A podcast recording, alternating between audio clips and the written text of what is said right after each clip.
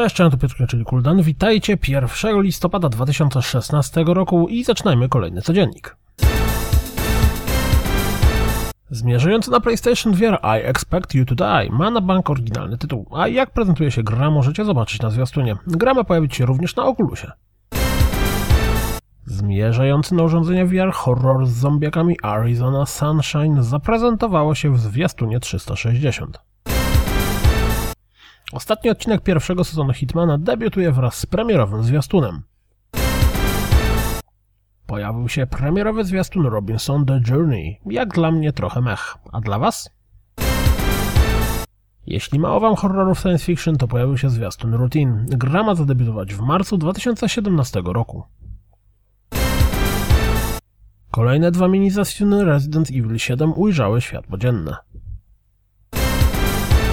Źródła w Sony sugerują, że na PlayStation Experience dowiemy się o fabularnym dodatku do Uncharted 4, który ma pojawić się jeszcze w grudniu tego roku.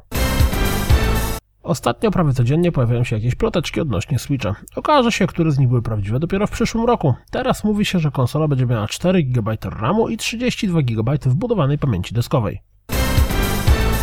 Darmowa aktualizacja wprowadziła do Drive Club trasy dostępne w Drive Club VR. Brutal Doom 64 jest już dostępny.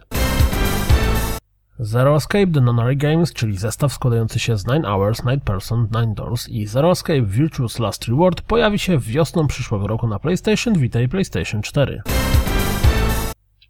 THQ Nordic zakupiło prawa do marek Novalogic Incorporated, czyli np. Delta Force. Square 65, czyli twórca chociażby Deadly Premonition, ogłosił odejście ze swojej firmy. Od sierpnia tego roku zawiesił pracę ze względu na stan swojego zdrowia. To wszystko na dziś, jak zawsze. Dziękuję za słuchanie, jak zawsze zapraszam na www.rozgrywkapodcast.pl Jeśli doceniacie moją pracę, wesprzyjcie mnie na Patronite i mam nadzieję, słyszymy się jutro. Trzymajcie się, cześć!